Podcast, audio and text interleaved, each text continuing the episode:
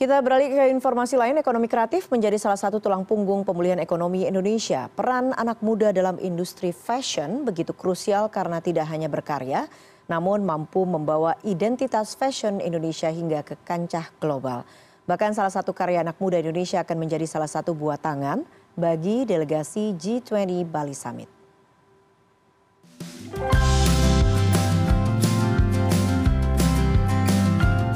Fashion show yang Anda lihat di Catwalk ini adalah hasil karya para desainer muda Indonesia.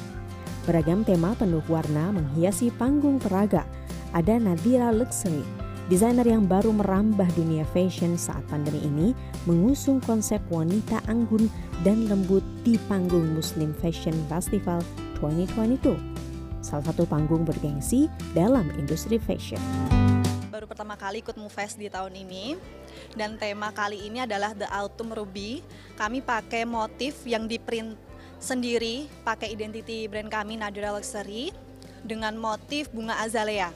Jadi kami ingin menggambarkan seorang wanita yang mempunyai keanggunan, keindahan, kelembutan, dan mempunyai wibawa. Lain halnya dengan desainer Dea Tekstil yang mengusung tema Minang dan milenial. Hasil karya anak bangsa asal Sumatera Barat yang kental dengan budaya Indonesia. Merah, hitam, dan gold itu adalah warna yang memang identik dengan warna Minang. Dan warna tersebut adalah warna yang memang menjadi ciri khas warga Minang untuk acara-acara pesta tertentu. Selain dua desainer tadi ada Fatih Indonesia Berdiri sejak tahun 2015, karya otentik fashion khusus pria ini pernah bertengger di panggung Dubai Expo 2021. Di balik karyanya sebagai pelaku industri fashion, Fahmi Hendrawan menilai peran anak muda sangat krusial dalam industri ini. Uh, industri fashion muslim di Indonesia atau apa pun ya fashion secara general itu uh, ber apa ya berkelanjutan sustainability artinya regenerasi juga gitu.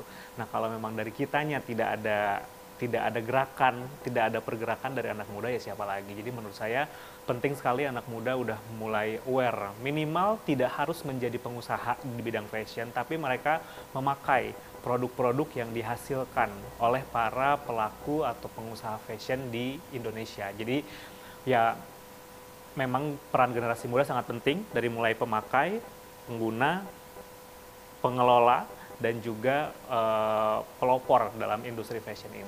Karya batik koko dan jaket bomber Fatih Indonesia akan menjadi salah satu souvenir untuk delegasi G20. Fahmi pun menunjukkan kepada kami filosofi batik dan jaket bomber yang akan menjadi buah tangan delegasi G20. Oke, jadi batik ini uh, kami namakan batik Sandiaga Series karena memang uh, batik ini berkolaborasi dengan Pak Menteri Pariwisata dan Ekonomi Kreatif Pak Sandiaga Uno, di mana uh, ada beberapa unsur batik yang kami pakai di sini. Yang pertama adalah uh, motif ini. Motif ini adalah kami ambil dari inspirasi dari batik ceplokan, yang mana kami uh, bikin typograph dengan uh, logogram dengan nama SSU. Nah, Sandiaga Salahuddin Uno gitu. Jadi kami kami modifikasi sedemikian rupa sehingga menjadi satu bentuk motif yang uh, batik tapi modern tapi tidak terlalu yang tradisional banget tapi tetap kontemporer seperti itu. Yang kedua kami juga memakai uh, motif dari Cirebon Megamendung di mana memang motif Megamendung ini juga uh, batik favorit dari Pak Sandiaga Uno sendiri uh, dan juga mempunyai filosofi yang sangat bagus juga di mana menggambarkan keberanian. Kemudian di sini kami ada seperti kelopak bunga.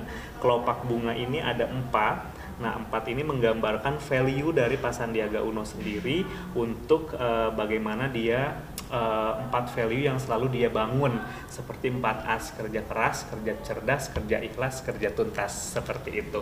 Guna mematangkan karyanya, Fahmi dan timnya menggandeng pengrajin batik lokal dari Pekalongan, Garut, Solo, dan Tasikmalaya.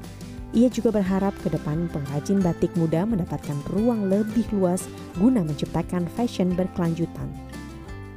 Sisi para pelaku atau pengrajin batik sih Mbak, karena sekarang itu pengrajin batik uh, kebanyakan orang-orang tua yang ngebatiknya gitu kan. Saya nggak kebayang 10 tahun lagi 20 tahun lagi uh, tidak ada generasi penerus tuh batik tuh akan hilang. Itu yang saya takutkan gitu. Nanti perlu ada dukungan si pemerintah misalnya membuat sekolah batik atau apa pun untuk anak-anak muda. Jadi memang anak muda nggak hanya pemakai yeah. tapi mereka juga pembuat batik gitu. Itu yang yeah. menurut saya penting untuk digalakkan. Karena jangan sampai batik yang menjadi ciri khas Indonesia ini ini digantikan oleh printing gitu yang memang ciri khas batiknya menjadi hilang gitu kan berbicara batik berbicara mengenai prosesnya mhm. bukan hanya berbicara mengenai motif atau bukan hanya berbicara mengenai warna tapi ada story ada cerita di dalam dalam dunia fashion, Kementerian Pariwisata dan Ekonomi Kreatif melihat bahwa industri ini merupakan salah satu tulang punggung pemulihan ekonomi Indonesia.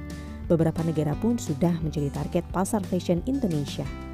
Eh, pasar yang paling uh, potensi adalah pasar-pasar uh, Timur Tengah uh, yang selama ini sudah kerap pasar Afrika. Ini luar biasa satu miliar orang di Afrika.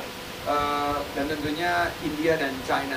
Ini merupakan dua pasar yang besar. Terus terakhir pasar dari benua Amerika sendiri. Karena Amerika daya belinya besar untuk batik-batik kelas premium yang bisa dipakai dengan model-model uh, yang sangat menarik seperti ini bisa dipakai saat winter atau bisa dipakai juga uh, keseharian mereka saat spring uh, dan fall.